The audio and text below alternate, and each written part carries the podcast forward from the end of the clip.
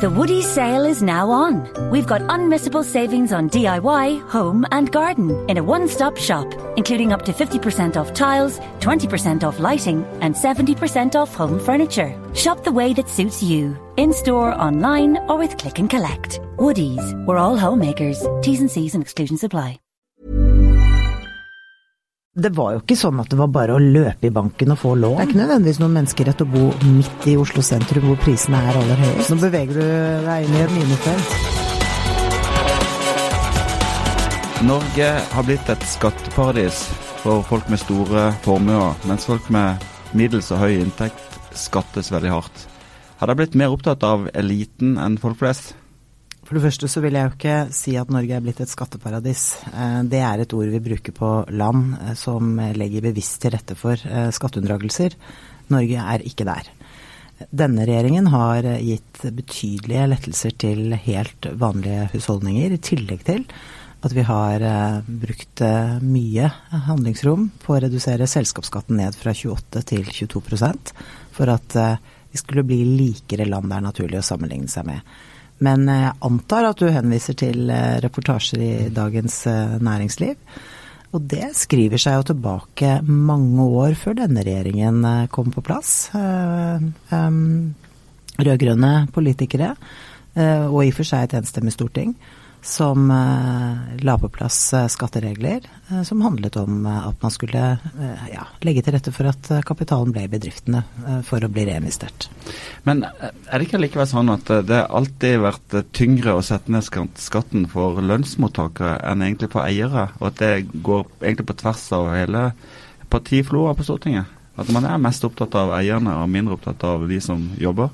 Nei, jeg er i hvert fall ikke det. Jeg mener at det å ha eh, gode skattebetingelser for eh, folk med helt vanlige inntekter er viktig. For det, det handler jo om å legge til rette for at vi vil jobbe. Eh, det er jo skatt på siste krona som avgjør om man har lyst til å legge inn litt ekstra, eller om man ikke ser det formålstjenlig å jobbe mer. Og vi trenger å skattlegge mindre når det gjelder arbeid, og heller vri skattefokuset over på ting vi vil ha mindre av, f.eks. forurensende utslipp. Men nå har de jo flertall eh, for en sånn politikk. Eh, hvorfor ikke gjennomføre den? Men det har vi jo gjort. Eh, vi har redusert skatten for vanlige husholdninger, samtidig som vi også har redusert selskapsskatten. Det er jo helt riktig, og det måtte vi gjøre. Fordi Norge var Altså avstanden mellom Norge og landet var naturlig å sammenligne seg, var jo litt for stor. Og det hadde jo ikke gjort noe annet enn å legge til rette for at investeringene ble tatt i andre land enn i Norge. Og vi ønsker jo å skape arbeidsplasser, fordi for oss arbeidsfolk, da. Eh, hvis vi ikke har en jobb å gå til, eh, så hjelper det jo veldig lite om skatten er høy eller lav, for å si det litt forsiktig. Så vi må skape arbeidsplasser, og da må vi klare å gjøre flere ting samtidig. Både redusere skatten for vanlige folk, og redusere skatten for, eh, for bedriftene og kapitalen. Du tenker på de ansatte i offentlig sektor, da. Der er det jo skapt mange nye arbeidsplasser de siste årene? Jeg tenker på alle ansatte, enten de går på jobb i offentlig eller privat sektor. Men nå er det jo sånn at vi har ja, bare det siste året fått 50 000 nye flere mennesker i arbeid. Fire av fem i privat sektor, og det er der veksten må komme. Eh, så er det jo ikke helt riktig at eh, veksten har vært liksom helt vill i offentlig sektor. Det har vært betydelige reduksjoner i deler av offentlig sektor, og så har det kommet flere ansatte der vi vil ha det. Flere politifolk, flere sykepleiere, flere altså offentlige ansatte som vi vil ha. Tror du jeg kommer til å oppleve et år hvor det blir mindre forbruk i offentlig sektor, når jeg ser på statsbudsjettene? Nei, men vil du det, da? Kanskje, hvis jeg får lavere skatt? Nei, jeg tror ikke du vil det. Jeg tror du vil, som de aller fleste andre, at vi skal holde oss med en, eh, en offentlig sektor som eh, gir gode velferdstjenester til alle. Så det er jo litt av den norske modellen, om du vil. da, At vi skattefinansierer veldig mye av velferden vår. Eh, jeg vil i hvert fall eh, sove mye bedre om natten hvis vi fortsatte å se at politibudsjettet vokste, at helsebudsjettet vokste, at ja, kommunene hadde nok penger til å fortsette å trygge eldreomsorgen. Så så lenge norsk økonomi vokser, så er det jo ikke unaturlig at også offentlig sektor har sin relative del av det. Men er det ikke sånn at, eh, at eh, norsk eh, økonomi vokser fordi at vi, vi, bruker jo så vanvittig mye penger? Vi har aldri brukt så mye penger som, som gjør nå. Altså Vi har jo en gjeld nå på 3450 milliarder eh, kroner. Eh, Forbruksgjelda er på 170 milliarder kroner. Er ikke det veldig bekymringsfullt? Jo, men nå stiller du egentlig flere spørsmål eh, i samme eh, setning. Vi kan godt snakke om eh, hvordan gjelden til husholdningene har utviklet seg, for den er det all mulig grunn til å bekymre seg for. Men inngangen til spørsmålet ditt handlet om veksten i norsk økonomi. Og det, norsk økonomi går bra for tiden. Arbeidsledigheten er lav, sysselsettingen er høy. Det skapes flere bedrifter. Det investeres bredt i de aller store, altså største deler av norsk næringsliv, og vi ser det over hele landet. Det er bra. Fordi når norsk økonomi vokser, så blir kaka litt større. Eh, og det gjør jo at vi kan trygge velferdsordningene våre fremover. Men når det gjelder veksten i gjelden til husholdningene, så har vi jo bekymret oss for den veldig lenge. Eh, det har jo vært en av hovedårsakene til at vi har eh, at vi innførte boliglånsforskriften for en del år siden. Som nå nettopp ble videreført i sin, i sin nåværende form. Det har jo sammen med eh, en del av de reguleringene som har vært gjort på boligmarkedet som sådan, bidra til at vi nå har fått et veldig sunt boligmarked.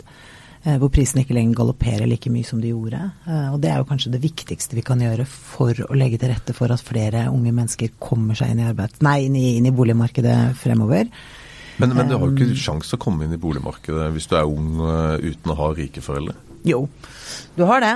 Men det er nå engang sånn at uh, det verste vi kan gjøre for fremtidens uh, ungdommer som ønsker seg inn i boligmarkedet, det er jo at å bare sitte og se på at boligmarkedet og prisene galopperer. For jo, sant, jo mer prisene vokser, uh, jo vanskeligere blir det jo å komme seg inn. Og det er jo en gang sånn, da, at man kan ikke låne mer penger enn man klarer å tilbakebetale over tid.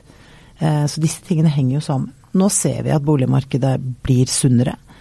Uh, og det er veldig gode nyheter for, uh, for, unge mennesker som vil inn i boligmarkedet. Det hadde vært mye verre hvis man bare så prisene rase av gårde. Uh, og ikke sant mulighetene for å få lån bare ville blitt verre og verre. Men la oss være på bolig, boliglånsforskriften. For altså, en begrensning på fem ganger inntekt, når du har en rente som nesten er null altså De fleste klarer jo å, å betjene mer enn fem ganger inntekten sin med så lavt rentenivå. Er det noe stor fare egentlig at prisene er høye? Det er i hvert fall viktig at vi har den fleksibiliteten i boliglånsforskriften som gjør at bankene kan bruke eh, sunt bankhåndverk når de vurderer Det er jo sånn at eh, Ta et eksempel, da. Eh, akkurat i den tiden du går fra å være student til å få fast inntekt, eh, så vil, er det jo ja, for banken da å vurdere deg som fremtidig betaler av lån, så er det jo kanskje verdt å se på den fremtidige inntekten du har, fremfor at du bare levde på studielån. Mm. Eh, og den, den, fleksibiliteten ligger jo i eh, forskriften, nemlig at bankene skal kunne gjøre vurderinger av deg og din økonomi og ikke på generelt grunnlag. Men hvem er det egentlig som har, råd til å kjøpe sin egen bolig etter du har studert i fire-fem år? Du har kanskje et studielån på 300 500 000. Eh, nå er det disse gjeldsregistrene, så klarer du ikke å, å, å skjule det heller for bankene osv. Altså, jeg, jeg forstår ikke hvem som altså Uten å ha rike foreldre, hvordan kan du komme deg inn i boligmarkedet der? Du vet at sånn har det alltid vært. Eh, da jeg skulle inn i boligmarkedet som ung jente, så hadde jo ikke jeg eh, oppsparte midler, og jeg hadde heller ikke foreldre som kunne hjelpe meg med, med masse kapital. Det var, det var, jo ikke sånn at det var bare å løpe i banken og få lån. Eh, da jeg skulle inn i boligmarkedet, så hadde vi nettopp hatt eh, skikkelig, en skikkelig kollaps. Rentene var skyhøye, arbeidsledigheten var like høy. Og det å tro at det var bare å danse inn i banken og ta opp et lån, nei, det var ikke det. Jeg kjøpte min første bolig, da kostet den 200 25 000 kroner på Grünerløkka. Det er riktignok veldig mange år siden, men det var nesten ikke mulig å få det til. Så jeg holdt på lenge før jeg fikk lån til min første bolig. Og sånn har det vært for alle, at det er ikke lett å komme seg inn i boligmarkedet. Eh, men så er det jo sånn at så er det spørsmål om hvor du vil bo, da. Det er ikke nødvendigvis noen menneskerett å bo midt i Oslo sentrum hvor prisene er aller høyest. Det er jo sånn at først så Da jeg kjøpte min første bolig, så var det en knøttliten leilighet. Eh, og det var det jeg hadde råd til. Og så etter hvert så har jeg fått råd til å investere i litt eh, større leiligheter og boliger. Hva, hva tenker du likevel om de som mener at, at dette er skreddersydd for på en måte, barn av eliten? De får hjelp av foreldrene til å få lån, mens andre ikke får det. Er det et, et annet eksempel på, på måte, et elitefokus? Har Fremskrittspartiet blitt de rikes gode venn. Men jeg skjønner ikke hvordan du mener at man har skreddersydd dette. Eh, det vi har gjort er å bidra til å bremse utviklingen i boligmarkedet sånn at det er eh, mulig for flere å komme seg inn i det boligmarkedet. De aller fleste av oss har jo ikke styrtrike foreldre. Ergo så kommer de heller ikke inn i, i boligmarkedet? Jo, de gjør det. De gjør det, men det er jo nå engang sånn at det, hvis, hvis, det boligmarkedet man vil inn i er der hvor prisene er aller høyest, ja, så da får man ikke til det. Eh, man må da kanskje ta sin første investering i sin første bolig et annet sted hvor prisene er litt lavere. Eh, det har vi alle gjort tror jeg, gjennom tidene, og sånn, sånn, er det for de aller fleste av oss. I dag er det 80 som, ca. 80% som eier sin egen bolig. Eh, er den tiden forbi at alle skal kunne eie sin egen bolig? Altså, grunnen til at så mange mennesker eier sin egen bolig i Norge. At har, det har vært en kultur som har utviklet seg over lang tid. Men det er jo noe som er drevet av innbyggerne selv, da. Det er jo ikke sånn at myndighetene tvinger folk til å velge eie foran eh, leie.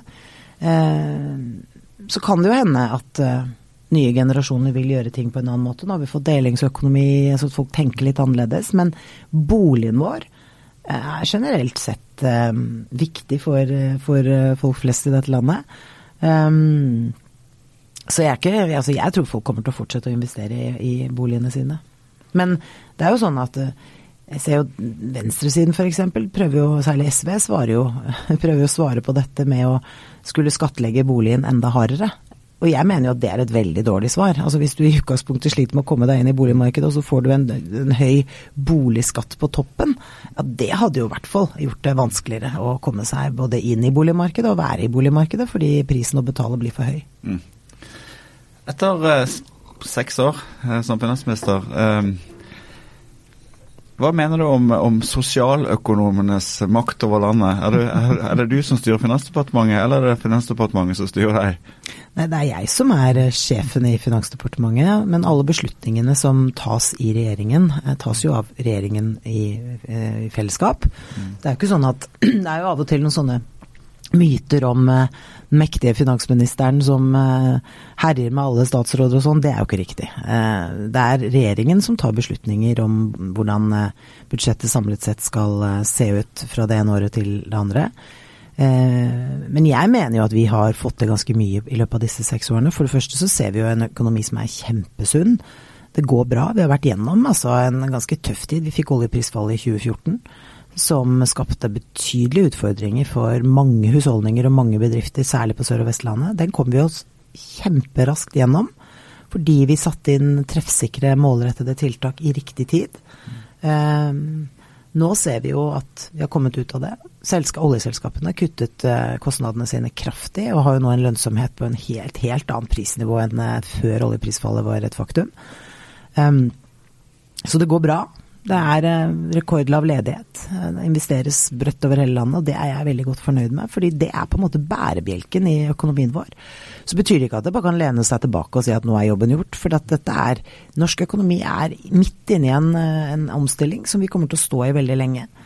Um, det betyr at vi må legge til rette for at, vi, at det vokser frem nye bedrifter um, i nye markeder, nye sektorer. For at vi skal kunne henge med og, og ja, sikre den velferden da, som jeg tror de aller fleste nordmenn er opptatt av.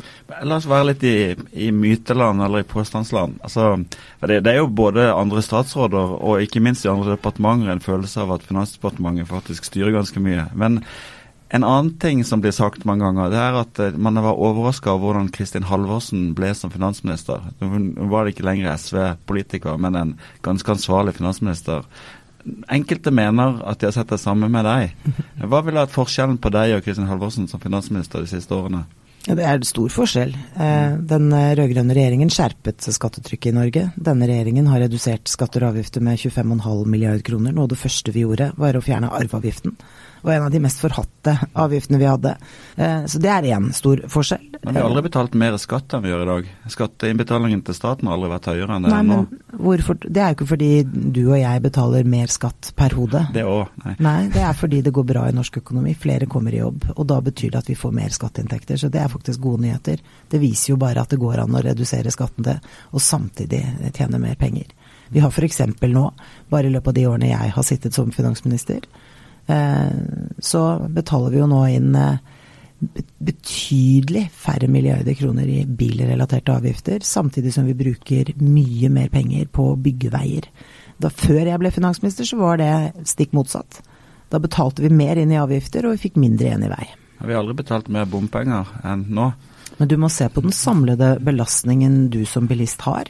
Og de bilrelaterte avgiftene for bilistene har altså gått ned eh, med flere milliarder kroner. Samtidig som samferdselsbudsjettet er økt med 80% Så vi bygger jo ut både veier og bane, kollektiv, som bare det. Med, med økte statlige midler, eh, samtidig som vi har redusert bilrelaterte avgifter med formidable beløp. Hvis vi holder oss litt i, i bilene, holdt jeg på å si, i hvert fall vridd over til olje, oljeland. Eh, er du enig med de som mener at vi har kort tid på oss på å gjøre oss mindre oljeavhengige og, finne, og lage en ny nice-virksomhet? Ja, jeg er uenig i det. Jeg mener at norsk eh, olje og gass kommer til å være en del av uh, løsningen. Både når det gjelder vår egen uh, næringsutvikling, men også som en del av de globale klimagassutslippene. Så er norsk olje og gass en del av løsningen og ikke en del av problemet. Det er jo sånn at hvis vi skulle stengt ned produksjonen på norsk sokkel over natten, som MDG og andre har tatt til orde for, så hadde det punkt én gått dramatisk utover 200 000 arbeidsplasser i dette landet. Eh, det hadde gått dramatisk utover inntektene til eh, landet som vi bruker på å finansiere velferden vår. Eh, og i tillegg så ville produksjonen bare eskalert i andre deler av verden, hvor man har helt andre, mye mildere krav til utslippsregulerende tiltak. Og det ville gjort at de globale utslippene ville gått opp. Sånn at Norge bidrar jo gjennom for det første at vi har en ganske utslippsfri produksjon. Eh, så vil jo da norsk olje og gass inn i det europeiske markedet f.eks. For fortrenge kull, som er betydelig mer eh, forurensende. Eh, og ved at flere da erstatter kull med norsk gass, ja, så er vi en del av løsningen og ikke en del av problemet. Men EU har jo som mål å, å i hvert fall halvere forbruket av olje og gass før 2030. Så det kan jo faktisk gjøre noe med oljeetterspørselen. Men det er jo også sånn at eh, alle prognoser norske myndigheter legger frem, viser jo at vi er eh, over toppen når det gjelder produksjon på norsk sokkel. Men, eh, så vi har jo også sagt gjentatte ganger at um, den tiden hvor oljen hadde den største impulsen på norsk økonomi, den er nok forbi. Men vi kommer fortsatt til å ha store inntekter fra olje- og gassproduksjon i mange år fremover. Da er det viktig at vi har konkurransedyktige rammebetingelser som er forutsigbare for næringen. Dette er jo investeringer i milliardklassen, sant. Som altså, selskapene er nødt til å ha forutsigbarhet og langsiktighet um, i, for å planlegge for fremtidige investeringer. Uh, men, men, den enorme produksjonen som vi har hatt, ja, den ligger bak oss. Så, så du, som Frp-leder og, og, og, finansminister, da skyver du klimaet bort, og så er det pengene som, som, som taler? Forstår Nei. Nei, da har du ikke hørt etter hva jeg sa. Jeg sa snarere tvert imot at norsk olje og gass er en del av uh, klimaløsningen og ikke en del av problemet. Vi vil gjennom å eksportere norsk gass særlig fortrenge bruk av kull, som er mer forurensende, som slipper ut mer. Og som sånn sett bidrar til at vi får en sunnere energimiks. Men du må huske på at er det sånn at noen, noen, mener jo at det bare er å knipse med fingrene. Så har hele verden gått fra å være fossil til å bli fornybar. Så enkelt er det ikke. Vi må gjennom noen, noen steg på veien. For det handler f.eks. om energiprisene. Eh, hvis ikke du klarer å produsere en del av den fornybare energien til, til eh, lavere priser, så velger man det som er billigst. Sånn er det. Sånn fungerer markedet. Um, Norge er jo veldig heldig, sant? for at vi som er Eh, så husholdningen i Norge, vi bruker jo egentlig den, mest, eh, den reneste kraften som er, nemlig vannkraft. Så når vi eh, skrur på vaskemaskinen eller komfyren, så er det ren fornybar energi som i det alt vesentlige forbrukes. Men ute i den store verden så er det ikke sånn. Tilgangen på vannkraft er ikke like god andre steder eller, eller andre fornybare energikilder for den saks skyld. Sånn at det tar tid eh, for verden å komme dit. At man tar de investeringene som gjør det lønnsomt Eh, det er nå engang sånn markedet fungerer. Men, men, det er jo mange i, i, partiet ditt som mener at uh, denne klimakrisen som, som, mange snakker om, egentlig ikke er så reell. Bl.a. Uh, din tidligere uh, leder, Carl I. Hagen. Uh, hva sier du til det? Fremskrittspartiets partiprogram er helt krystallklart på dette området. Eh, vi tror at eh, vi må bidra til å være en del av løsningen på de globale klimautslippene. Eh, og derfor har vi vært opptatt av å legge til rette for en klimapolitikk som spiller på lag med næringsliv og innbyggere. Det hjelper veldig lite med liksom, en hard pisk. Det som hjelper er gulrøtter, og det ser vi f.eks. i bilpolitikken. Norge har nå den høyeste tettheten av elbiler i hele verden. Og det har å gjøre med at vi har brukt bilavgiftene helt systematisk for å legge til rette for en raskere utskifting av bilparken vår. Og da har vi brukt gulrot, som gjør at flere får tilgang på utslippsgjerrige biler, enten eh, lavutslippsbiler eller nullutslippsbiler. Og det er jo bra. Det er villet politikk. Det gjør at statens inntekter fra bilavgifter går kraftig ned. Så kraftig ned at OECD nylig påpekte at uh, dette kunne da umulig fortsette. Eh, men eh, vi har forpliktet oss til å videreføre den politikken ut denne perioden. Og så har vi nå samtidig begynt en gjennomgang av hele bilavgiftssystemet for å se eh, hvordan det bør se ut i fremtiden. Når du slutter å kjøre limousin, blir din neste bil en elbil? Nå kjører ikke jeg limousin, da, men Sitter på en limousin. Ja, limousin er det ikke, men det er en trygg bil, det har du helt rett i. Nei, altså jeg syns jo at lav- og nullutslippsbilene er blitt helt fabelaktig. Uh, og jeg tror det er altså, grunnen til at du har sett en sånn eksplosiv vekst i det siste. Det er jo at rekkeviddeangsten for veldig mange har gått ned. Hva gjør du? Neste bilen? Uh, jeg tror nok det fort blir en elbil, ja. Et, et annet tema. Um, er det rimelig at folk som går på arbeidsledighetstrygd eller arbeidsavklaringsmidler, og som egentlig skal omstille seg til arbeidslivet i Norge ved å delta på tiltak, er det greit at de tar med seg pengene sine utenlands?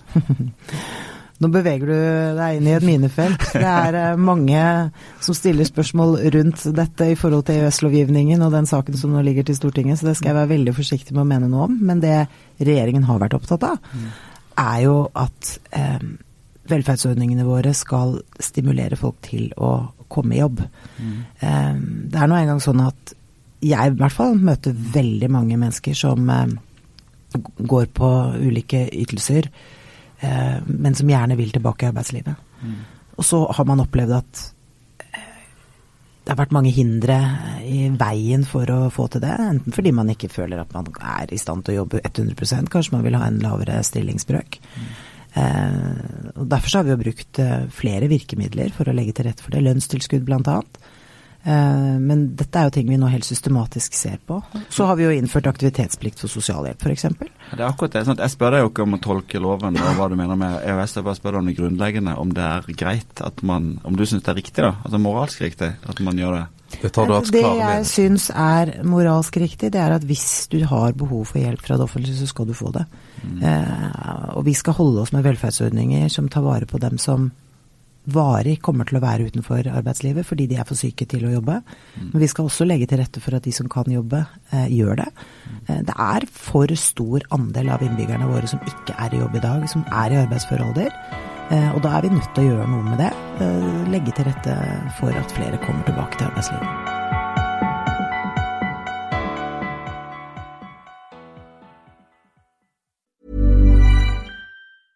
The Woody sale is now on. We've got unmissable savings on DIY, home, and garden in a one stop shop, including up to 50% off tiles, 20% off lighting, and 70% off home furniture. Shop the way that suits you, in store, online, or with click and collect. Woody's, we're all homemakers. T's and C's and exclusions apply. Mega deals now on at Curry's. Save 100 euro on the Grundig fridge freezer, now 429 and the 65 inch LG OLED TV with Google Assistant and Amazon Alexa is now only 1999. Save 900 euro.